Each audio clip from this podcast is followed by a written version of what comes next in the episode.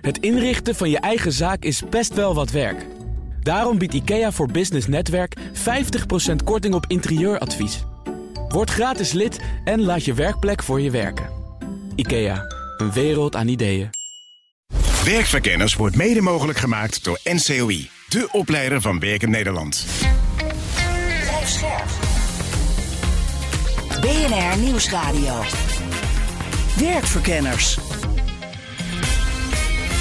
Rens de Jong. In deze werkverkenners, wat kan een meerurenbonus doen in de strijd tegen de krapte van personeel?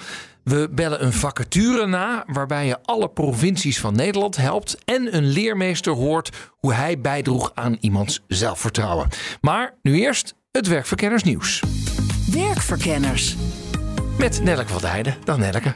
Dag Rens. Uh, Randstad heeft een lijst met kansrijke beroepen in Nederland bekendgemaakt voor dit jaar. Vertel. Voor dit jaar ja, een top 45. En die is eigenlijk wel logisch te halen uit wat er allemaal speelt op het moment. We hebben een woningentekort, een energietransitie waar we voor staan, een vluchtelingencrisis, krapte op de arbeidsmarkt en inflatie. Nou, dus wat hebben we nou allemaal nodig? Projectleider nieuwbouw, zonnepanelenmonteur. Nou, die scoort natuurlijk al langer goed, maar dat is nu echt verdubbeld. Waarschijnlijk omdat iedereen door die hoge energieprijzen zonnepanelen wil. Ja, natuurlijk, ja. En daar worden uh, docenten Nederlands als tweede taal gezocht en recruiters. Ja. Nou, de Randstad komt daar geloof ik jaarlijks mee. Hè? Zien we ook grote verschuivingen? Ja, je ziet zeker uh, verschuivingen. De grootste tekorten die zijn nog altijd in de bouw en de techniek en de ICT, zegt uh, Randstad. Dus daar worden zeker veel mensen gezocht. Maar wat erbij is gekomen, verzuimadviseurs. Oh ja. Nou, we hebben hier in het programma ook vaak gehoord dat die werkdruk uh, zo groot is. Nou, blijkbaar zo groot dat er nu drie keer zoveel verzuimadviseurs nodig zijn. Wauw, oké. Okay. En verder beveiligingsmonteurs zijn nieuw in de top 45 en ook wel opmerkelijk opticiens. Nou ja, we worden natuurlijk allemaal ouder gemiddeld, dus we hebben allemaal ja, dat heeft een uh, vergrijzing te brilletje maken. nodig. Goed, waar moet je niet meer op inzetten? Receptionist of administratief medewerker. En de cultuursector, ja, blijkbaar gaan we toch nog niet echt naar de musea en de theaters terug. Mm -hmm. En de persoonlijke verzorging, kappers, nagelstylisten. Maar dat ligt niet aan jou, Rens. Nee, want de kappertje heb ik net gepakt. Jouw haar zit fantastisch. Dankjewel. Goed, ander nieuws. Er was uh, vorige week ophef over tractaties op het werk. Ja, het Britse Food Standards Agency, zeg maar het Britse voedingscentrum, heeft gezegd dat trakteren op taart, dat kan echt niet. Dat is even slecht als passief meeroken met collega's. Nou, daar moet dus gewoon een verbod op komen. Jeetje zeg, wat, wat, je, je, je kan toch ook gewoon nee zeggen tegen die koekjes en taart die Iets van een eigen verantwoordelijkheid Ja, precies, ja. hebben. Ja, nee, dat schijnt het probleem te zijn. Wij zijn allemaal irrationeel en zwak. Oh ja. Dus als zo'n gebakje voor je neus verschijnt, dan zeg je daar geen nee tegen. Dan ga je voor de bijl. En stel je voor dat je in een groot bedrijf werkt. Ja, daar is elke dag wel iemand jarig. Dus dat is natuurlijk uh, catastrofaal. Ja, dus uh, richtlijnen uh, opstellen over wat trakteren we wel en wat trakteren we niet op ja, het werk. ik heb mijn, mijn dochter op school mag ze alleen maar gezond trakteren. Ik denk dat we dat uh, op het werk ook moeten gaan doen. Doosjes met van die rozijnen en een stickertje erop. Leuk, een komkommertje met een tomaatje erop. Goed, dan is er ook nog goed nieuws over de arbeidsparticipatie. Ja, dat horen we straks in de themavraag ook weer. Maar wij zijn kampioen arbeidsparticipatie. Dus we doen het eigenlijk al heel goed. In Nederland werken al heel veel mensen.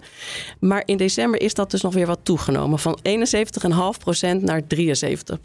En wie, en wie? We zijn er meer aan het werk? Nou, het geldt vooral, die toename is vooral onder jongeren. En dan in het bijzonder jonge mannen. Oh.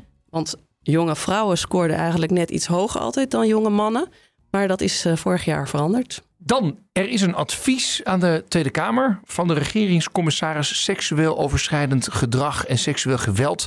En dat gaat over vertrouwenspersonen. Vertel. Ja, fijn dat jij die commissaris even helemaal uitgesproken hebt. Het gaat om Mariette Hamer. GroenLinks heeft een initiatiefwetsvoorstel gedaan om vertrouwenspersonen bij alle organisaties uh, verplicht te stellen. En zij heeft nu daar positief over geadviseerd. Nou, ik ben wel benieuwd waarom dat uh, inderdaad zo belangrijk is in de strijd tegen dat seksueel grensoverschrijdend gedrag. En we hebben Mariette Hamer nu aan de lijn. Goeiedag. Goeiedag. U bent positief over dat wetsvoorstel van GroenLinks om eigenlijk bij ieder bedrijf een vertrouwenspersoon aan te stellen. Waarom bent u daar zo positief over? Nou, omdat het uh, echt heel belangrijk is dat er op ieder bedrijf iemand aanspreekbaar is uh, waar je heen kan als je een luisterend oor nodig hebt. Of als je wil weten waar je heen moet om een klacht in te dienen. Ja. Als het gaat om grensoverschrijdend uh, gedrag. En niet ieder bedrijf heeft dat nogal?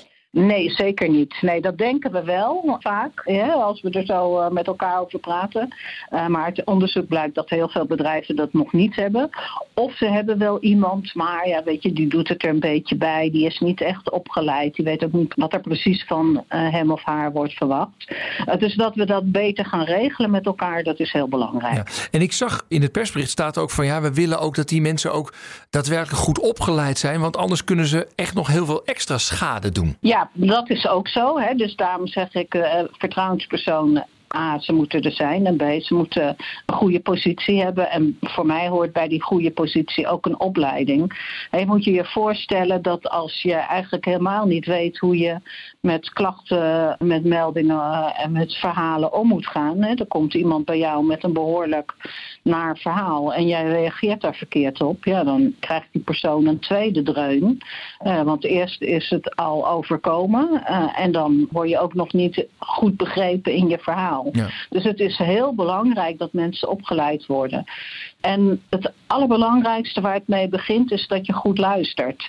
En dat je eerst iemand zijn verhaal laat doen. En we hebben natuurlijk allemaal de neiging om meteen ergens iets van te vinden. Nou, bijvoorbeeld dat kan een belangrijk deel van de opleiding zijn. Dat je leert goed te luisteren, de goede vragen leert te stellen. Uh, iemand een beetje ook rustig kan uh, benaderen. Veel mensen zeggen de erkenning dat ik daar mag komen en mijn verhaal kan doen is al zo belangrijk. Nou, dat hoort allemaal bij een opleiding. En is het dan een aparte baan of is het iemand van HR die dat het dan bij gaat doen? Nee, liever niet iemand van HR, want die doet juist zeg maar de personeelsorganisatie. Het is vaak een vertrouwenspersoon, dus echt iemand die een beetje buiten de leidinggevende staat en daar zit HR vaak dichterbij. En dat hangt natuurlijk af van de omvang van het bedrijf, hoe groot zo'n baan is. Ik denk bij grote bedrijven zeker. Mm-hmm. Ik kan me voorstellen bij middelgrote bedrijven dat je ook kijkt of je een externe vertrouwenspersoon inschakelt. Dat is ook iets wat we de komende tijd moeten gaan bekijken. Wat werkt nou het beste, interne of externe vertrouwenspersonen? Ik kan me voorstellen dat er weinig mensen zeggen, nou, het lijkt me een slecht idee. Alleen, het is wel weer een soort druk op werkgevers. Je zal maar een kleine MKB'er zijn met uh, vier man op het kantoor. En dan moet er inderdaad uh, nou, iemand worden aangewezen als vertrouwenspersoon... of een externe weer worden ingehuurd... wat ook wel weer de, de lastendruk omhoog brengt. Ja, nou ik kan me daarom ook heel goed voorstellen. Meestal uh, ben je MKB'er in een bepaalde branche. Dat de brancheorganisaties ook kijken of ze hier in faciliterende zin iets kunnen betekenen voor echt hele kleine bedrijven. Uh, we hebben natuurlijk in coronatijd gezien dat bedrijven als het echt moeilijk is met een bepaald onderwerp elkaar ook kunnen vinden. Dus ik zou denken probeer dat hier ook te doen. Want dan kun je het eigenlijk allemaal regelen. En uiteindelijk het lijkt een kostenpost. Mm-hmm. Maar als er iets misgaat, en dat zien we nu eigenlijk elke dag voorbeelden van, dat als er iets misgaat, dan kost het je ook een heleboel. Dus het is hier ook een beetje de kost gaat voor het baat uit. Ja. Uh, als de Tweede Kamer gaat zeggen, dit lijkt ons een goed idee, wanneer is het een succes wat u betreft? Nou, dan moet het natuurlijk allemaal ingevoerd uh, gaan worden. Maar het is voor mijn gevoel uiteindelijk uh, een succes als we overal goed opgeleide vertrouwenspersonen krijgen die ook echt een onafhankelijke positie kunnen innemen. En die te vinden zijn uh, voor dat luisterend oord, voor die werkvloer. Dank. Oké. Okay. Rens de Jong. De themavraag van deze uitzending gaat over de voltijd of de meerurenbonus. Kan die nou het verschil maken voor de personeelskrapte, bijvoorbeeld in het onderwijs? Je zou kunnen zeggen dat uh, als we ongeveer op, op 10% zitten, dat we dan een heel eind zouden komen. Maar zo simpel als het klinkt, is het niet. Om maar iets te noemen, er is een groep die juist minder gaat verdienen bij een paar uur meer werken. Dat heet de armoedeval. En we hebben eigenlijk niet een goed zicht op hoe groot die groep is. Dan is de vraag of de focus bij zo'n bonus wel goed ligt. De oplossing wordt vaak gezocht in meer uren werken, maar je kan het ook uh, zoeken in wat slimmer werken. En bovendien is het de vraag of het juridisch wel mag. Want je discrimineert door voltijders extra te belonen ten opzichte van deeltijders. De Nederlandse wet, de, de richtlijn is geïmplementeerd in de Nederlandse wetgeving. Die is tamelijk absoluut. Dus je mag geen onderscheid maken. Dus in de uitvoering lijkt me dit vrij uh, complex. En dus gaan we ook op zoek naar alternatieven. En het onderwijs zelf ziet wel mogelijkheden. Een hele praktische manier kijken van uh, ja, hoe kan je je medewerkers zo faciliteren dat het uh, voor hun ook mogelijk is om wat meer uren te draaien. Werkverkenners. Om te weten of een bonus voor meer uren of voltijd werken kan helpen tegen krapte op de arbeidsmarkt, is het goed om te kijken wat een paar uur meer werken zou kunnen opleveren. Bas Terweel, directeur van SEO Economisch Onderzoek. En wat doen jullie precies? Wij voeren onderzoek uit op een onafhankelijke manier voor bedrijfsleven en overheid. Ja. Er wordt vaak gezegd, als alle deeltijders maar een paar uur meer gaan werken, dan hebben we het probleem opgelost. Is dat zo of niet? Nou, partieel gezien wel. Dus als iedereen in het onderwijs vier uur meer gaat werken, dan hebben we daar technisch gezien alle vacatures opgelost. Maar dan zul je zien dat die mensen ook kinderopvang nodig hebben. Dat de zorg voor hun ouders of voor mensen die hulpbehoevend zijn ook zal toenemen. Dus dan hebben we daar ook weer extra handen nodig. Ja, ja. Dus we verschuiven het probleem dan een beetje. Ja, zo zou je dat kunnen zeggen. Wat vind jij van het debat over die voltijdbonus? Ja, ik denk dat het past bij de situatie waarin we verzeild zijn geraakt. Dus het belastingstelsel is heel erg complex. En dit is een soort padenmiddel. De, de voltijdsbonus kan helpen om een grote klapper te maken. Dus iemand die 20 uur in de week werkt, die zul je dan naar 40 uur krijgen met een hele grote fiscale stimulans. Mhm. Maar de vraag is of dat de werkelijkheid weerspiegelt. Want? Nou, iemand die nu 20 uur werkt, die heeft daar bepaalde gedachten bij. Die heeft voorkeuren voor parttime werk. Dus om die naar 24 uur te krijgen lijkt me kansrijker dan om iemand naar 40 uur te krijgen. Ja, en zo'n voltijdsbonus zou dan vooral impliceren, je moet naar voltijd toe en dan krijg je de bonus. Ja, Ja. Zo, zo is die bedoeld als je hem letterlijk neemt.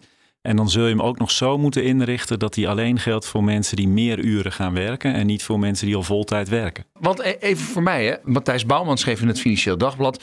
Het feit dat wij eh nivelleringskampioen van de wereld zijn in ons belastingstelsel. En het feit dat wij deeltijdkampioen zijn, is geen toeval. Ben je het daarmee eens? Ja, dat klopt voor een deel. En ik denk dat eh, de andere kant daarvan is dat je eh, ziet dat heel veel mensen participeren. Dus da- daar moeten we ook blij mee zijn. Mhm. De arbeidsdeelname in Nederland is heel hoog. Het aantal uren dat we werken is heel laag. En we hebben het belastingstelsel zo dichtgetikt dat de gemiddelde marginale druk, dus het, eh, de druk die je ondervindt door een uur extra te werken, die ligt op 50%. En dat betekent dat als je een uur meer gaat werken en je verdient daar 20 euro mee, hou je daar een tientje van over. En dat geldt voor de meeste mensen. Dat is een nette marginale druk, denk ik. En daar wordt wel eens eh, moeilijk over gedaan. Daar wordt er gezegd van ja, er zijn groepen die hebben zo'n grote druk dat extra werken niet loont. Nou, en als je dan iemand vergelijkt die 40.000 euro per jaar verdient en voltijds werkt, met iemand die 20.000 euro verdient en halftijds werkt, dus precies hetzelfde uurloon heeft, ja, dan zit daar een enorm marginaal drukverhaal tussen. Dus als iemand die dan van deeltijd naar voltijd gaat, die houdt per uur maar ongeveer 6 euro over. En dat is vrij gering natuurlijk. Ja. Als je ehm 20 uur in de week meer gaat werken en dat levert je 120 euro op, ja, dan zijn er maar weinig mensen die dat zullen doen. Ja, dus, maar, maar de vraag is dan, waar ligt dat dan aan? Hebben wij dan zo'n raar dichtgetikt belastingstelsel? Of is dit nou eenmaal, eh, dat, dat komt door nivellering? Ja. Nou, ik denk als je dat voorbeeld wat ik net gaf, als je die mensen met elkaar vergelijkt, dan kijk je er vrij raar naar. Hè? Dan zeg je, hoe kan dat nou? Maar de praktijk is dat mensen twee of drie uur meer zullen moeten gaan werken of willen gaan werken. En dan valt die marginale druk best mee. En er zijn ook initiatieven als het potentieel pakken, die zeggen van ja, laten we daar nou eens gewoon rationeel naar kijken. En dan blijkt in de praktijk heel vaak die marginale druk ongeveer 50% te zijn. En nou ja, als je het hele belastingstelsel bekijkt en de absolute tarieven, dan is een marginaal tarief van 50% nog zo gek niet. Nee, nee. Oké. Over hoeveel mensen hebben we het nou waar we dit op zouden kunnen toepassen? Die we proberen te stimuleren om meer te gaan werken. Nou, als je dan kijkt naar de zorg en het onderwijs, de- die worden er vaak uitgepikt. Hè, dan gaat het denk ik om eh, in totaal ongeveer een miljoen mensen die je zou kunnen bereiken. Hè. En dan neem ik dat, die sector heel breed. Dat is best veel, toch? Ja, dat is best veel. En als die ook eh, allemaal een halve dag eh, meer gaan werken, dan, eh, dan heb je de- het vacatureprobleem daar voor een groot deel opgelost. Mhm. hè, partieel. Maar het zal ook leiden tot vragen elders, bijvoorbeeld in de kinderopvang en in de zorg. Ja, maar ook al enorme tekorten zijn. De kinderopvang krijgt ook al niemand meer. Ja, Ja, dus als we één groep harder aan het werk krijgen of meer aan het werk krijgen, dan moeten we de andere groepen die die mensen ondersteunen ook meer aan het werk krijgen. klopt. Ja. En is dan een voltijdsbonus een goed idee of moet het hele belastingstelsel op de schop? Nou, ik denk dat het hele belastingstelsel op de schop moet. En dat wordt al jaren geroepen. En er liggen geloof ik zes rapporten over hoe dat moet.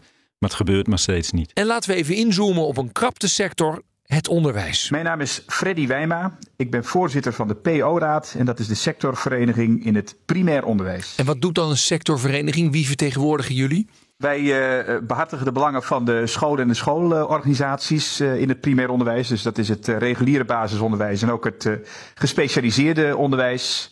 Zijn jullie dan een soort de werkgeversclub? Moet ik het zo zien? Ja, een, ja, dus een van de dingen die wij doen is ook de werkgeversfunctie. Dus wij voeren CAO-overleg met de vakbonden over, over de arbeidsvoorwaarden in onze sector. Ja. Laten we het hebben over de tekorten in jullie sector. Hoe groot zijn de tekorten? Ja, die zijn fors. Uh, de lerarentekorten die zitten zo op uh, 8, 9 procent van het totaal. En procentueel zijn de schoolleiderstekorten zelfs nog groter. Oh ja? Waarom zijn die zo moeilijk te vinden?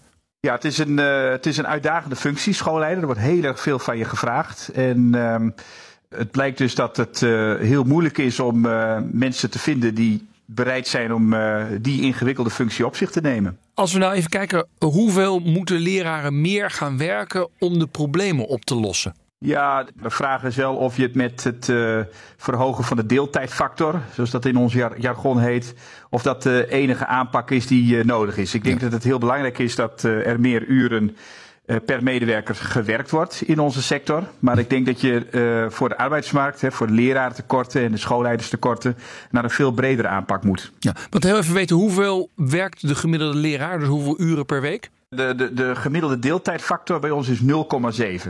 Dus dat betekent dat iedereen gemiddeld uh, zeventiende van een volledige werkweek werkt. Dus ongeveer drieënhalve dag zou je kunnen zeggen. Ja, ja. De verschillen zijn wel heel groot. We hebben best wel veel fulltimers in onze sector ongeveer uh, een vijfde van het totaal. En we hebben ook uh, medewerkers die maar één of twee dagen per week werken. Ja, ja. En gemiddeld zitten ze dus uh, uitgaande van een 36-urige werkweek op 25 uur.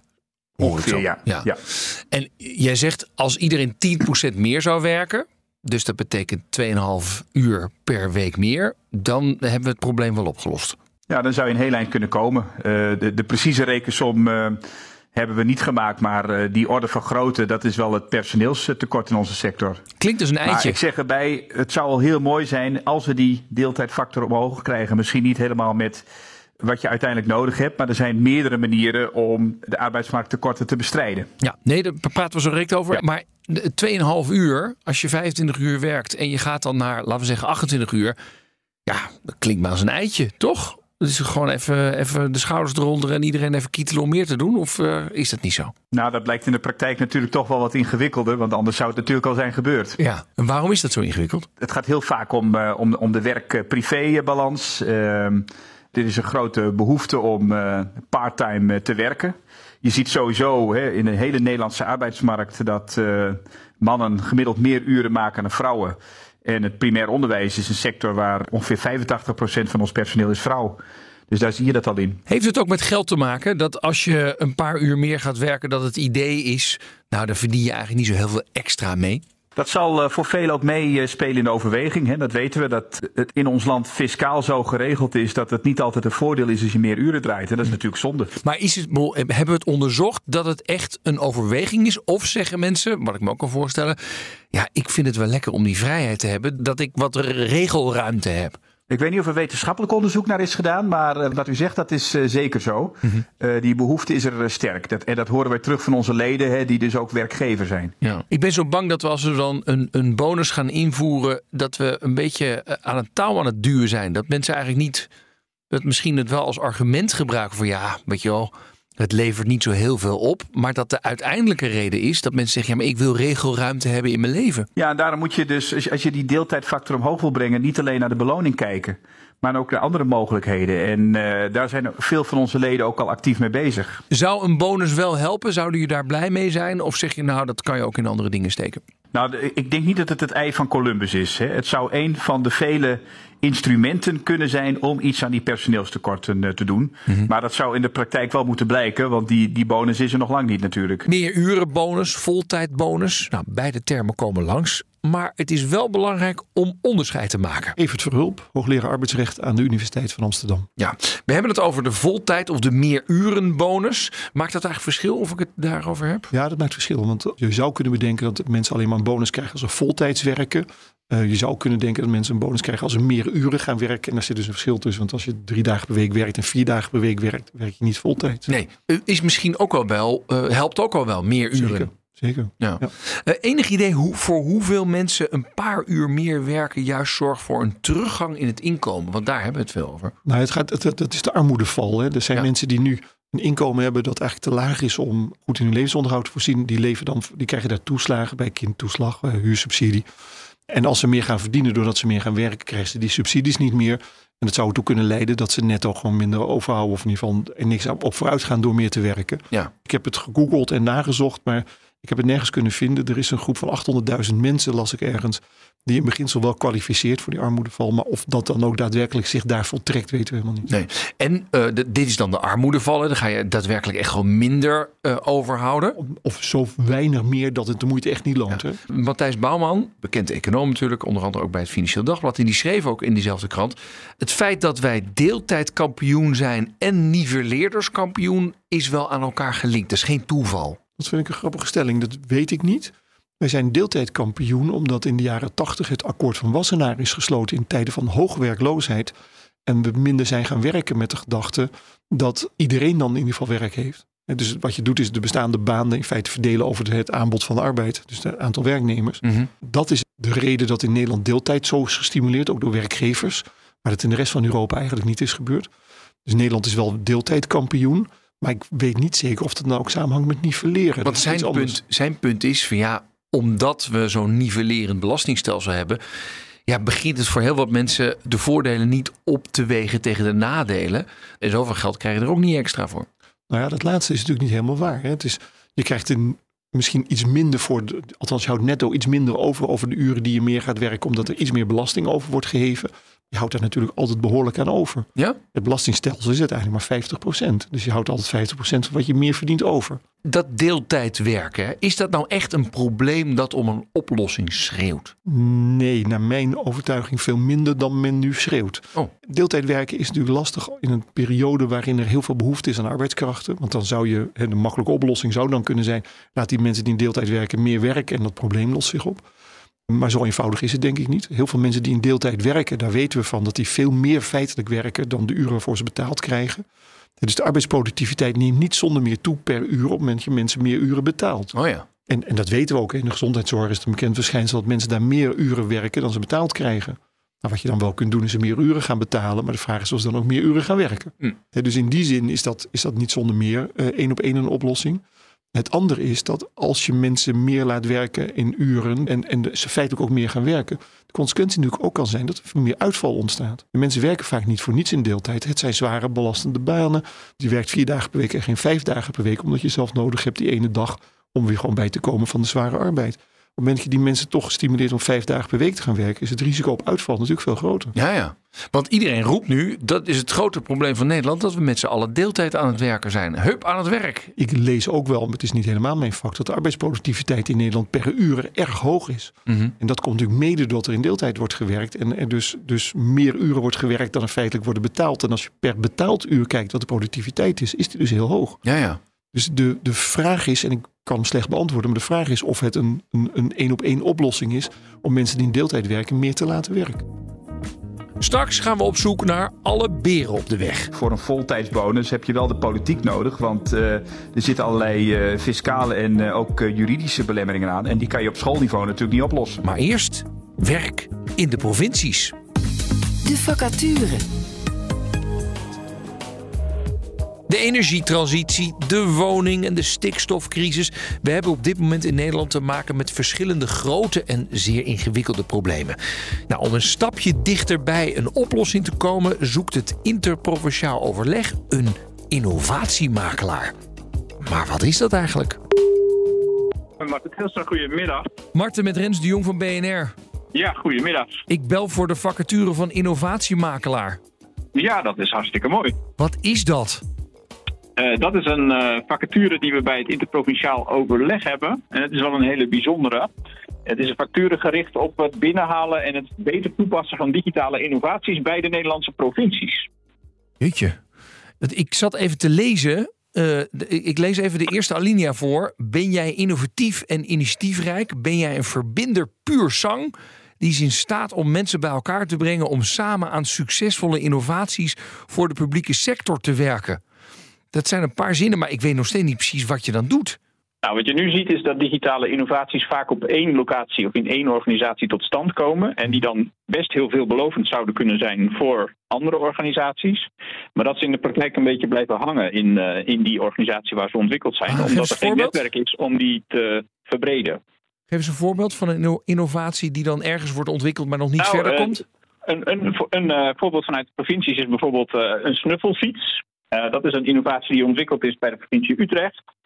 Waar burgers zeg maar, in de gemeente Utrecht, die krijgen dan een kastje op de fiets gemonteerd waarmee ze de luchtkwaliteit kunnen meten met sensoren. Ja. Nou, en um, ja, dat is natuurlijk iets wat in meerdere plekken toepasbaar is. En dan kun je eigenlijk denken aan twee manieren voor het opschalen daarvan. Je kunt ofwel kijken van kan dat kastje ook op andere plekken gebruikt worden? Of kan de techniek die gebruikt wordt voor dat kastje en de aanpak, de methodiek, kan die worden uh, gebruikt in andere omgevingen? Ah. En uh, juist en op beide uh, manieren willen we daar binnen de Dutch Societal Innovation Hub, zoals die innovatiehub heet, mee aan de slag. En kijken hoe we daar overheidsorganisaties verder mee kunnen brengen. Ja, ja, dus je, je, je kent, je loopt rond in die provinciale overheid, ziet wat er allemaal geïnnoveerd wordt en denkt, hé, hey, dat kunnen we ook misschien wel ergens anders gebruiken. En dan probeer je mensen bij elkaar te brengen. Uh, ja, precies. En je probeert ook echt te zorgen dat dat wordt uh, ontwikkeld tot een soort, uh, ja, een soort innovatiebouwblok, wat we echt ook zeg maar elders weer kunnen neerzetten. Ja, ja. En wat voor een type zoek je dan? Zoek je dan zeg maar, ambtenaren of zoek je mensen die een beetje uit de start-up wereld komen? Ja, het liefst het idealiter is het natuurlijk iemand die beide, beide expertises in zich combineert. Hè. Ja. Dat zou het mooiste zijn. Uh, en ja, we zoeken natuurlijk wel mensen die echt goed begrijpen wat digitaal innoveren is. Maar die tegelijkertijd ook de publieke sector in Nederland goed kennen. Bestaan die? Ze bestaan zeker, kan okay. ik je vertellen. Ja? ja, ja. En zijn ja, er al we... mensen die dit werk doen? Uh, ja, dit werkt precies natuurlijk niet, want het is een functie die je ook, uh, denk ik, zelf nog deels kunt vormgeven. Dat maakt het misschien ook wel heel leuk om bij ons nu te beginnen. Maar er zijn wel, uh, een collega hier bijvoorbeeld doet het innovatiemanagementrol. Die, die hebben wij bij IPO lopen. Hartstikke mooi. Succes ermee, Marten. Dankjewel. Hoi. Tot ziens. Doeg. Nou, klinkt mooi, zo'n baan. Terug naar de meer uren en voltijdsbonus. Want als iedereen wat meer gaat werken, dan zouden de tekorten wel flink slinken. Maar er zitten toch nog wel wat haken en ogen aan, hoorden we eerder al. Dus is de vraag aan de gasten of ze er wel zo'n voorstander van zijn, van zo'n bonus. Eerst econoom Bas Terwil. Nou, ik ben een voorstander van een belastinghervorming. Maar als die er niet komt, is dit een soort padenmiddel. Ja, ik hoor een beetje uit jouw stem, die belastinghervorming dat gaat er voorlopig niet komen. Nou, het wordt wel steeds nijpender. Dus ik, ik hoop dat die aanstaande is. Ja, want ik hoor inderdaad ook wel eens mensen die uh, veel met belastingen werken.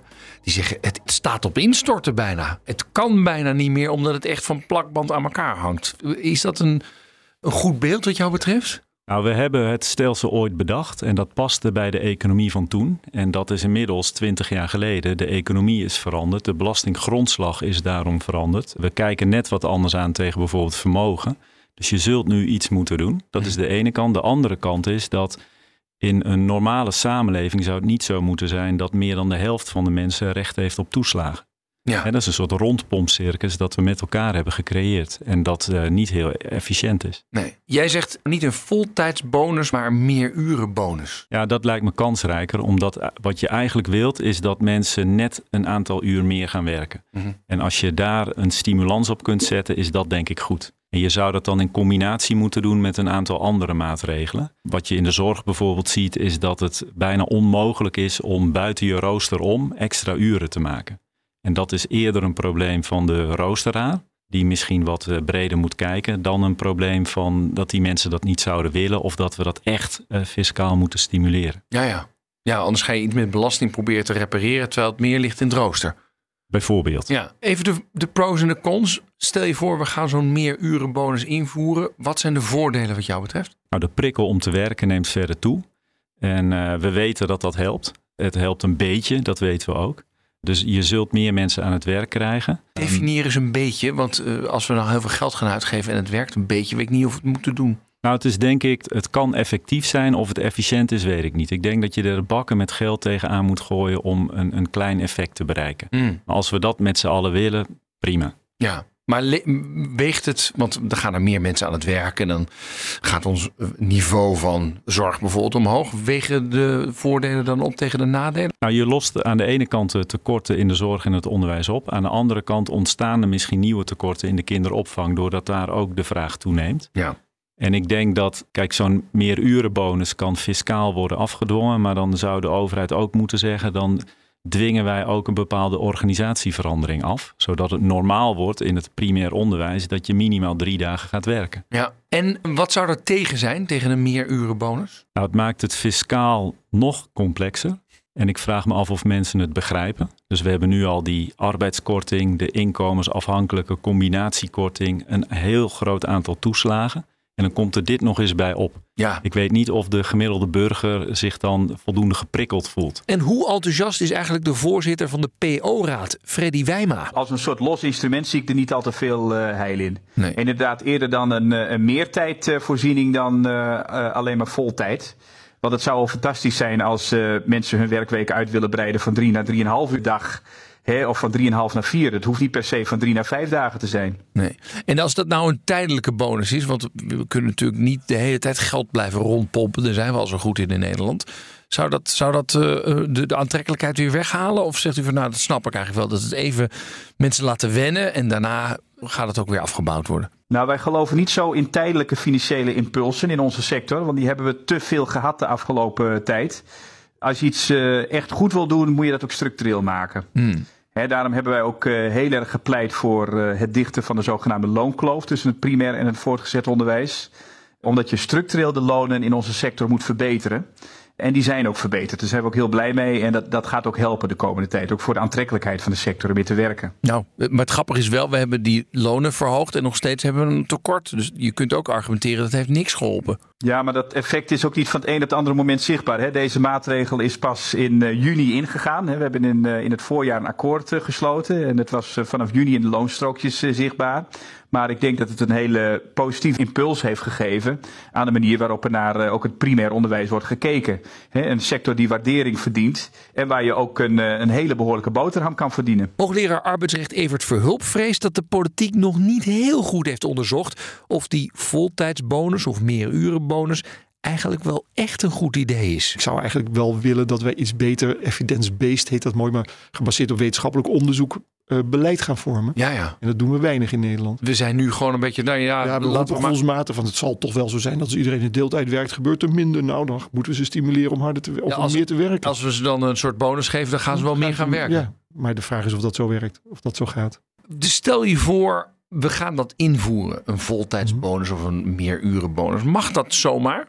Mag niet zomaar. Er is een uh, Europese richtlijn die erin voorziet dat je mensen die in deeltijd werken per uur hetzelfde moet belonen als mensen die voltijds werken. Of Oh. anders gezegd, je mag geen onderscheid maken tussen mensen in deeltijd, eh, die in deeltijd werken en mensen die voltijds werken. Nou is het wel zo dat onderscheid altijd mag worden gemaakt, althans van deze richtlijn, als het objectief te rechtvaardigen is. En de vraag is dan vervolgens of de arbeidsmarktproblematiek die we nu hebben voldoende objectieve rechtvaardiging is. Ja, ja, want je gaat eigenlijk deeltijders discrimineren ten Precies. opzichte van voltijders. Precies, want je betaalt deeltijders per uur in feite minder dan een voltijder per uur. Als je die bonus gaat door invoeren. die bonus. Ja. Eh, maar dat zou dan mogen als het echt een heel groot probleem is op de arbeidsmarkt. Als het echt een heel groot probleem is op de arbeidsmarkt, dat alleen maar op deze manier kan worden opgelost. Ja, ja. Dus je zou kunnen zeggen, stel je voor je voert dit in, dan gaat de, de bond van de deeltijders zou een proces kunnen beginnen. Meteen. Oh ja? Ja, ik denk dat iedere deeltijder, er zijn, er is ongetwijfeld een deeltijder die hier een procedure over begint. Oh ja. Met de mededeling, het is onrechtvaardig dat iemand die 40 uur per week werkt, 1000 euro per, ik weet niet wat die bonus moet zijn, 1000 euro per maand meer krijgt. Terwijl ik 20 uur per week eh, werk, ik wil die 500 euro per maand. Ja. En dat vind ik ook een hele rechtvaardige gedachte. Oh, hoe gaat een rechter dit wegen? Nou ja, die moet dan kijken naar de vraag hoe de richtlijn precies is vormgegeven. Nou, die richtlijn is tamelijk absoluut in de gedachte dat je gelijk moet behandelen. dan is de vraag: is de arbeidsmarkt en de arbeidsmarktproblematiek voldoende objectieve rechtvaardiging om dit onderscheid te maken? En dat is een toets. En ik, de Raad van State heeft over gezegd dat dat wel eens positief zou kunnen uitvallen voor de Nederlandse overheid. Ik ben daar iets minder zeker van. Oh ja. Dus, dus de, het is afwachten. Maar ik denk dat zolang er ook andere methoden zijn om mensen te stimuleren om voltijds of meer te gaan werken, dat je, en je die niet benut, dat je niet kan zeggen dat dit het enige en, en uitsluitende remedie is. Ja, ja. Want de Raad van State zegt, nou ja, er zou wel een grond zijn om dat te doen. Maar jij zegt, ja, maar je moet wel alle andere dingen uit hebben gesloten, wil je deze discriminatie zomaar het kunnen moet wel toepassen. proportioneel zijn. Ja. En, en je mag ongelijk behandelen op het moment dat er eigenlijk niks anders te verzinnen is om hetzelfde doel te bereiken. Maar dat is hier misschien nog helemaal niet geprobeerd. Dus het klinkt als een makkelijke quick fix, die ik ook best wel Ja. in een goede headline kan zetten. Maar gedurende deze uitzending kom ik erachter dat er wel heel wat haken en ogen aan zitten. Aan die quick fix. Ja, Nou ja, dat komt natuurlijk omdat het- als je dat doet, de kosten van ook maatschappelijke eh, instituties aanzienlijk zullen stijgen. De gezondheidszorg wordt veel duurder dan. Aan de andere kant weten we dat mensen in de gezondheidszorg eigenlijk gewoon te weinig verdienen. Mm. Op het moment dat je dat vindt en we dat ook wel weten, op het moment dat we een minister-president hebben van VVD-huizen, die roept dat de lonen best wat meer kunnen stijgen, dan weet je dat er iets met die lonen aan de hand is. Namelijk dat ze eigenlijk gewoon te laag zijn in verhouding tot de prijs op de markt en in verhouding tot wat er in Europa verder verdiend wordt. Goed, zo'n bonus zou dan vooral een belastingincentive zijn. Dus dat gaat dan de, de loonprijs voor de werkgevers niet enorm omhoog stuwen. Het is meer maar de belastinginkomsten die naar beneden gaan. Dat, maar de vraag is of, of dat nou maatschappelijk wenselijk is. En de vraag is ook nog, kijk, op het moment dat de regering zo'n beslissing neemt, de wetgever die ook invoert, moet het proportioneel zijn. Mhm. Je mag nogmaals discrimineren, je mag in dit geval ongelijk behandelen op het moment dat het past binnen het systeem en, en niks anders werkt. Maar lonen verhogen kan ook wel eens heel goed werken om de vraag en aanbod van arbeid in, in evenwicht te brengen. Ja, en dat zou je dus moeten hebben uitgezocht voordat je dit gaat doen. Precies. Ja, maar en mag jij als werkgever dat invoeren? Dat je zegt, jongens, ik vind het wel belangrijk dat je zoveel uur in de week gaat werken. En dan hebben we ook nog een financiële incentive erbij. Nee, ik zie niet in dat dit een objectieve rechtvaardiging is op werkgeversniveau. Het is ook wel een beetje gek natuurlijk, hè? Maar werkgevers zoeken gewoon naarstig naar mensen. Dan wil je ze eigenlijk een soort incentive geven en dan mag dat weer niet. Ja, maar dan, dat mag hem wel, maar dan moet je, gewoon, dan moet je iedereen gewoon meer gaan betalen. Ja, dan zul je ja, zien dan- dat je ten dan- opzichte van de concurrentie heel aantrekkelijk wordt en dus meer werknemers vindt. Ja, ja. En als iedereen dat dan doet, dan stijgen die lonen. Nou, dan zul je ook zien dat de producten duurder worden, waar nu de vraag naar ontstaat, zodat ook minder behoefte is aan arbeid. En dan heb je dus weer dat evenwicht bereikt. Ja, dit is economie van de, van de plattegrond. Ja, ik weet ook niet of het het. zo werkt. Hè. Misschien zal een econoom daar wat fondsen naar kijken. Maar zolang dit systeem niet is uitgeprobeerd of is, is, is verworpen als iets wat niet werkt, dan kun je eigenlijk niet zomaar ongelijk gaan behandelen. Oké, niet alleen maar loftuitingen dus voor een bonus om meer werken te stimuleren. Ja, zijn er dan combinaties met zo'n bonus te maken? Of moeten we op zoek naar alternatieven, helemaal los van zo'n bonus? Nou, eerst weer Bas ter Wil. Ik zie meer in een hogere productiviteit. Dat duurt misschien wat langer. En de reflex in Nederland is steeds geweest: we willen meer mensen aan het werk hebben. Dat is heel goed gelukt, want Ja. de participatie is nergens zo hoog als in Nederland. Maar dat model loopt een beetje op zijn eind. En je ziet ook dat de productiviteit in met name zorg, onderwijs, maar de, eigenlijk de hele publieke sector achteruit holt. Dus je kan het ook zoeken in productiviteitsverbetering. Eh, Waar, waarom holt de productiviteit achteruit? Waar, waar blijkt dat dan uit? Nou, we hebben mensen geprikkeld aan het werk te gaan. Dat is gelukt. Eh, de publieke sector heeft daar dankbaar gebruik van gemaakt door allemaal mensen aan te trekken. Maar de inzet van die mensen is vaak niet op de meest productieve manier. En de investeringen in technologie, in automatisering, in het automatiseren van processen is achtergebleven. En waar resulteert dat dan in? Wat zie je dan op de werkvloer? Nou, dat er eh, op het moment dat er een knelpunt is, als eerste een vacature wordt geopend en er niet wordt gekeken naar hoe kunnen we met de bestaande mensen hetzelfde voor elkaar krijgen als we het net wat anders organiseren. Ja, ja. En hier zie je dan een overheid, want een overheid kan makkelijk aan een belastingknop draaien, maar heel moeilijk aan een productiviteits- of een systeemverandering bij werkgeversknop draaien. En Daar heb je helemaal gelijk in. Ja. En eh, er wordt in een coalitieakkoord wel eens gezegd: we gaan niet meer ambtenaren aannemen. Maar dat voornemen sneuvelt eh, bij de minst of geringste tegenwind. Ja. Even voor mij, hè, zo'n meerurenbonus. Zou dat dan voor specifieke sectoren zijn of gewoon voor iedereen? Ja, ik denk dat je dat voor iedereen moet doen, omdat het anders wel heel complex wordt. Ja. Hoe definieer je zorg? En hoe definieer je dan het onderwijs? Ja. Dat. En hoe definieer je meer uren werken? Want als ik nu 20 uur werk en ik ga 24 uur werken, krijg ik dan één jaar de bonus of de rest van mijn leven? Hoe werkt zoiets eigenlijk? Ja, ik denk dat als uh, mensen er eenmaal aan gewend zijn om 24 uur te werken, dat, het, uh, dat je hem kan afschaffen. Dus ik zou het in ieder geval een tijdelijke regeling maken. Oh ja. Om de boel anders te organiseren, ook thuis. Daar word je financieel voor gecompenseerd. En als je dat eenmaal geregeld hebt, dan, uh, ja, dan zou het goed moeten zijn. Ja, maar goed, dan valt het fiscale voordeeltje weer weg. En dan zit je weer met dat enorme gat waar we het aan het begin van de uitzending over hadden. Ja, maar dat gat valt dus wel mee. Als ja, je van 20 naar 24 gaat. Ja. Ik denk dat dat eerder een mentaal gat is. Dat we fiscaal kunnen stimuleren. Dan dat het echt een financieel gat is. Jij zegt we moeten anders nadenken over productiviteit. Hoe zou je dan het onderwijs, de zorg kunnen stimuleren om daar anders over na te gaan denken als overheid? Nou, ik denk dat in het onderwijs uh, zijn een aantal quick wins. En uh, één daarvan is dat je zegt we hebben vijf gelijke dagen. Dat is roostertechnisch al veel makkelijker. Mm -hmm. Dat maakt het uh, dat de aanstellingen die de organisatie moet bieden ook veel uniformer zijn. Dus je werkt drie dagen. Nou, dat is een aanstelling van 0,6 FTE. En je, je weet precies waar je aan toe bent. Ja, dus Ouders niet meer die woensdag bijvoorbeeld. Die nou, woensdagmiddag vrij. Ja.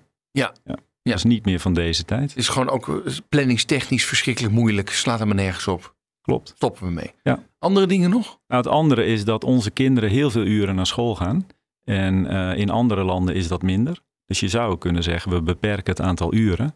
Waardoor je ook minder docenten nodig hebt. Oh, je hebt wat radicalere ideeën, zeg maar. Nou ja, dit, volgens mij geven wij uh, heel veel uren les met mensen die uh, redelijk goed zijn opgeleid. Maar als je minder uren les geeft met een hogere kwaliteit van leerkrachten, dan bereik je misschien wel veel meer. In de zorg, wat zouden we daar kunnen doen? In de zorg uh, kan je heel veel winnen door te kijken naar hoe teams met elkaar samenwerken. En ik denk dat daar heel veel in silo's wordt gewerkt, als je het gemiddelde ziekenhuis bekijkt. En dat daardoor beter samen te werken, uh, beter uh, de processen te automatiseren, heel veel te winnen is. Mm -hmm. Er is ook onderzoek geweest door uh, een aantal consultants. En die zeggen van ja, alle tekorten zijn op te lossen als je de bestaande technologische mogelijkheden implementeert. En geef eens een voorbeeld, wat is dat dan? Nou, dat, is, dat zijn organisatieprocessen. Dus de ene arts die weet maar mondjesmaat wat de andere arts heeft voorgeschreven. Daardoor ontstaan er allerlei ongelukken met patiënten. Uh, en die zijn te voorkomen. Mm -hmm. Dus mensen zouden veel korter in een ziekenhuis kunnen liggen. Goed, het gaat niet echt de productiviteit omhoog helpen. Dat zorgt ervoor dat het aantal ongelukken naar beneden gaat. Nou ja, dat, per patiënt heb je dan een hogere productiviteit natuurlijk. Ja, oké. Okay. Maar goed, is dat, is dat dan inderdaad echt de heilige graal? Nou, dat is er één van. En het andere is dat heel veel processen die, die nu door mensen worden gedaan, die zijn te automatiseren. Mm -hmm. En um, nou, bijvoorbeeld het medicijnen toedienen, medicijngebruik, dat, daar hoeft eigenlijk geen uh, mens meer aan te pas te komen bij de gemiddelde patiënt. Maar dat wordt nu nog keurig door iemand gebracht. Met het project Potentieel pakken wist een school een kwart van de mensen te verleiden om meer uren te gaan werken, vertelt Freddy Wijma. Hoe kregen ze dat dan voor elkaar? Intensief het gesprek aangaan met, uh, met die medewerkers. Vragen, nou, wat heb je nodig om wat meer uren te draaien? Nou, om dan even een heel simpel uh, voorbeeld te geven. Ik heb al gezegd, veel van de medewerkers in het primair onderwijs, de leraren zijn vrouw. Zijn vaak ook moeder, vaak ook voor jonge kinderen. En zeggen, ja, ik kan eigenlijk niet die extra dag werken, want ik moet dan zelf mijn kinderen naar school brengen of naar de kinderopvang. Mm -hmm. uh, en dus dan? als, als nee, je, je als je iets, iets weet te regelen voor die eerste uren uh, op een dag, He, bijvoorbeeld door slim uh, de organisatie net wat anders in te richten, dan zou dat al uh, heel erg veel verlichting kunnen geven. En ah. nou, dat is een van de initiatieven die ook in het kader van dit uh, project is genomen. En dit hoor, ook dit hoor ik vaker terug van onze leden. En hebben ze dat dan ook gedaan? Dat, dat, dat, dat het eerste uur even door iemand anders wordt opgevangen of zo? Ja, dit gebeurt in de praktijk wel en ook op andere plekken. Ja, ja. Zijn er andere voorbeelden geweest al in het land waar ze op die manier daarnaar hebben gekeken? Ja, dat project potentieel pakken, dat is ook, uh, daar is ook met andere scholen uh, gewerkt. Maar er zijn natuurlijk, hè, omdat die tekorten uh, wild om zich heen grijpen in ons land, zijn heel veel van onze leden ook actief op zoek naar uh, manieren uh, om onder andere hiermee aan de slag te gaan. Mm -hmm. Een van de dingen die ik ook wel vaak hoor is, ja, kan je me niet uh, net even wat beter faciliteren in, in die meer uren werken? Want dat is bijvoorbeeld de behoefte aan calamiteitenverlof. Hè, kan je daar afspraken over maken? Dat je wat makkelijker even een dag ertussenuit kan, omdat je familiesituatie er op dat moment om vraagt. Hè, en als je weet dat op het moment dat je dat even nodig hebt, dat daar ook in voorzien wordt, dat je dan wat makkelijker die stap naar wat meer uren werken kan maken. Is ook een oplossing om te zeggen, we gaan het wat meer uniformeren. Dus bijvoorbeeld die woensdagmiddag. Dat maakt het wat lastig, zeg maar, in, in van, oh ja, hoe, hoe lang werkt iemand dan? Die zegt, jongens, alle dagen werken we met dezelfde schooluren, et cetera. Zou dat het proces beter maken en dus ook de inzetbaarheid van mensen beter maken? Nou, er zijn al heel veel scholen die dat doen. En ik denk ook in toenemende mate. Hè, dat heet het continu rooster. Dat je eigenlijk uh, door de week dezelfde werkdagen hebt.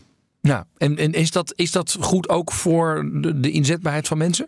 Nou, dat zou hierin kunnen helpen. Zit het eigenlijk veel meer in uh, dit soort handige oplossingen vanuit de werkgever, jullie dus, dan dat het in die fiscale prikkel zit? Nou, ik denk zeker dat goed werkgeverschap en uh, maatwerk uh, in je personeelsbeleid dat dat heel erg belangrijk is voor de aanpak van, uh, van personeelstekorten. En daar zouden ook financiële prikkels bij kunnen horen. Hè? Dus ik zie het meer als een onderdeel van dan iets wat je heel erg apart moet uitlichten. Mm -hmm. Wordt dat voldoende gedaan, eh, vinden jullie vanuit de PO-raad? Of denk je mensen, schoolleiders zitten toch nog vaak een beetje in een soort oude groef te denken? Nou, als je kijkt naar de cijfers, dan, dan gebeurt toch nog niet voldoende. Want wij hebben een uh, hele forse personeelstekort in onze sector. Ja. Nou, dat, dat kan meerdere oorzaken hebben. Een van de oorzaken zou kunnen zijn: scholen kijken niet voldoende op een andere manier. Nou ja, ik zou zeggen, de oorzaak van de personeelstekort in onze sector ligt in de demografie in ons land. Mm -hmm. Er gaan gewoon heel veel mensen met pensioen nu al en de komende jaren ook. En er komen te weinig jonge mensen voor terug. Dus dat, dat is een hele belangrijke, wat fundamentelere oorzaak. En ook daar moeten we aan werken. Hè, door, door werken in het onderwijs aantrekkelijker te maken. Ja. En, en daar is dat, dat werkgeverschap en goed personeelsbeleid weer ontzettend belangrijk voor. Zou je ook kunnen denken in een soort combi's maken, combi-beroepen? Bijvoorbeeld de zeker, BSO zeker. en bijvoorbeeld leraar zijn of wat dan ook? Ja, eerder zou ik dan zeggen leraar-ondersteuner, maar oh ja. die combinatiefuncties, daar zijn ook al opleidingen voor. Hè? Bijvoorbeeld associate degree opleidingen van MBO en HBO-instellingen gezamenlijk. Er zijn ook veel schoolorganisaties die tevens kinderopvangorganisatie zijn. Of heel erg nauw samenwerken met een kinderopvangorganisatie. En dan zie je ook wel veel die, die combinatiefuncties. En ik denk ook dat dat nog meer gaat ontstaan uh, de komende jaren. En er wordt nu al goede ervaring mee opgedaan. En ik heb zelf ook op mijn werkbezoek een uh, medewerker gesproken. Die zo'n dubbelfunctie hebben. Die en kinderopvang doen en ook ondersteunen in het onderwijs. En die zijn daar ook heel gelukkig mee. Mm. Kijk bijvoorbeeld naar de BSO. Hè. Uh, als je in de BSO werkt, dan uh, kan het zo zijn dat je eigenlijk pas halverwege de middag gewenst bent. Terwijl je eigenlijk misschien wel een volledige werkdag zou willen draaien. Nou, als je het kan combineren met het onderwijs, dan kan je wel een volledige werkdag draaien. Ja, we moeten gewoon veel slimmer en handiger zijn ja. in dit soort dingen, toch? Ja, zeker. En uh, nou, er is ook best wel veel creativiteit bij onze leden. Maar dat mag best nog een beetje meer uh, groeien hierin. En dit is een van de mooie voorbeelden. Ja. En waar ligt dat dan aan dat het nog mag groeien, die creativiteit? Nou, dus dat heeft ook wel te maken met belemmeringen. Ik had het net even over uh, onderwijs en kinderopvang.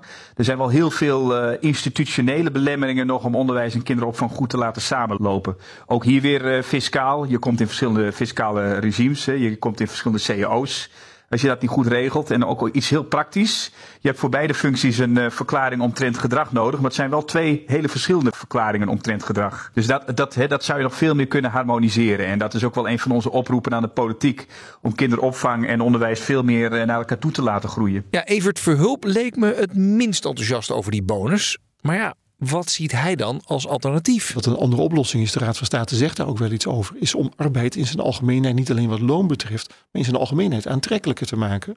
He, dus, dus dan gaat het over goed werkgeverschap. Mm -hmm. En wat wij wel meemaken is dat heel veel mensen bijvoorbeeld als ZZP'er werken, ook omdat ze eigenlijk meer vrijheid in, hun, in de uitoefening van hun werkzaamheden willen hebben.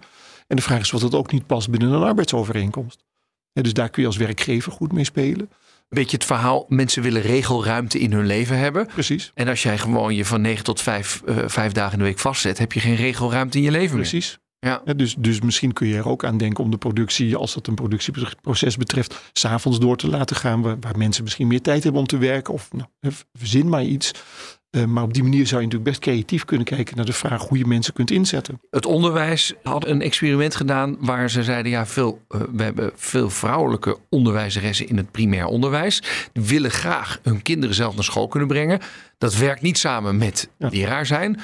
Zorg er nou voor dat je de eerste paar uur even door iemand anders laat oplossen. Want dan is dat tenminste gecoverd. Het eerste paar uur is een half uur, hè? Ja. ja de, de, je kunt natuurlijk heel goed bedenken dat je het eerste half uur ik verzin het nu ook ter plekke, iedereen in, in, de, in de aula zet en uh, uh, de zangles geeft. Dat kan, kan klassikaal, uh, groots klassikaal gebeuren. en na een half uur worden al die kinderen naar de juf gebracht, of de, als dat dan een vrouw betreft, de juf gebracht die de kinder, haar kind naar school heeft gebracht en die begint dan met het onderwijs. Ja. Het zijn maar voorbeelden, maar op die manier kijken naar de inrichting van arbeid gebeurt eigenlijk naar mijn waarneming relatief weinig. Terwijl het wel heel veel ruimte zou kunnen bieden voor mensen om hun individuele leven op een manier in te richten zoals ze dat zelf willen. Ja. En die dan ook past bij meer werken. En wij zitten toch heel snel in het uh, adagium, nou ja, laat maar een vacature zetten. Ja, en dan vinden we wel weer iemand en die betalen we dan toch een relatief karig salaris. En dan vinden we het gek dat die maar 20 uur per week wil werken in plaats van die 30 uur die we eigenlijk liever hadden gehad. Ja. Zijn er andere oplossingen waar je naar zit te kijken? Of?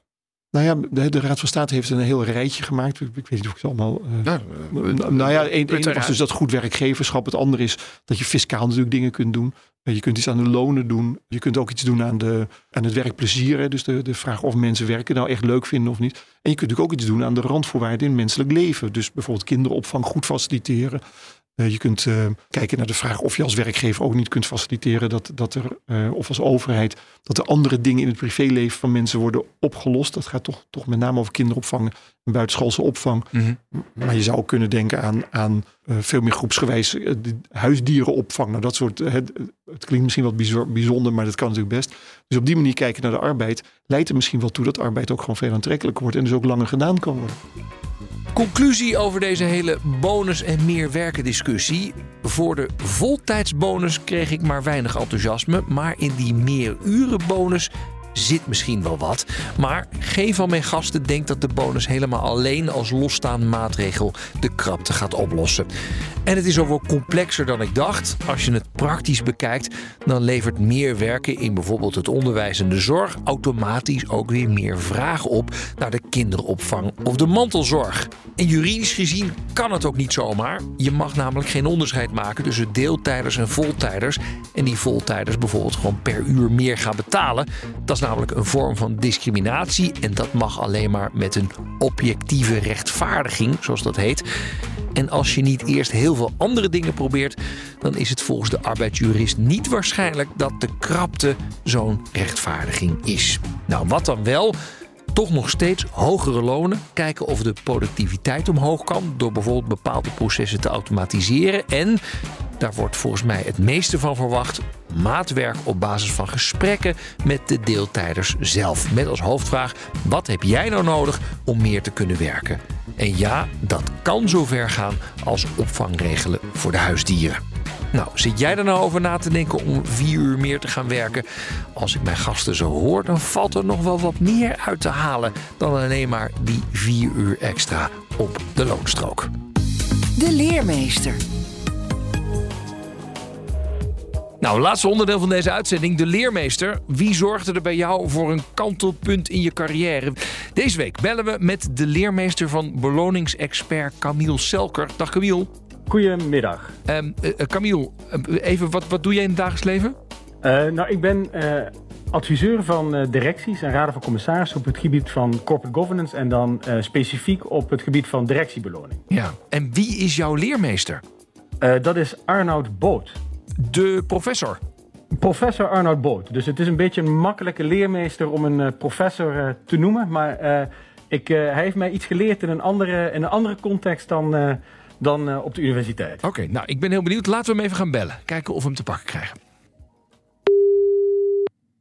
Hallo Boot. Dag meneer Boot, met Rens de Jong van BNR Nieuwsradio. Ja, goedemorgen. Goedemorgen. Ja, u, u, zit geloof ik in Brazilië, geloof ik, of niet? Klopt, klopt, klopt. dus dan is het nog ochtend bij u. Uh, wij bellen u omdat u aangewezen bent als een leermeester voor iemand. Ja, dat is uh, bijzonder. Camille, kun je jezelf even zeggen, bekendmaken aan de, aan de professor?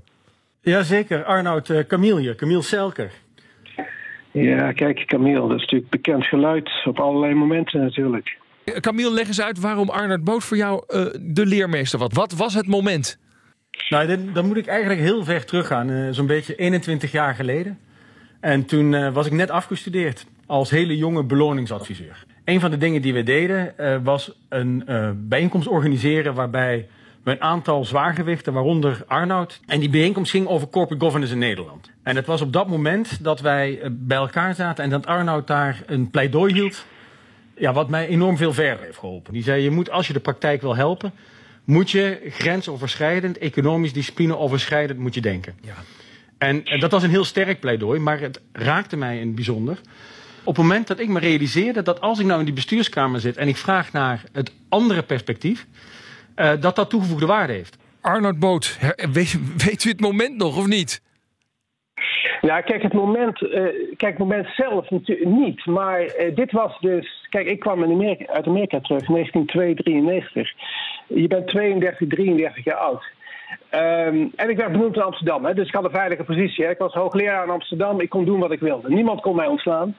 En dan is je maatschappelijke verantwoordelijkheid, ja, laten we eerst zeggen, dan is je maatschappelijke verantwoordelijkheid om die maatschappij te vernieuwen, te verbeteren. Ja. En als er iets gold in de jaren 90, en zeker midden jaren 90, was dat de hele bestuurskamers nog helemaal dicht waren. Terwijl je van de portier vaak meer kunt leren dan van de buurman die je op elk feestje tegenkomt, je gesloten bubbel, et cetera. Ja. En dat, dat, dat was mijn houding. Ja, en, en dan ben je dus 33, uh, uh, je neemt geen blad voor de mond en dan inspireer je dus, want Camille, jij moet dan ergens twintiger zijn geweest, dat je denkt, oh, zo Klopt. moet het. Je, moet- je moet op een bepaald moment moet je bepaalde.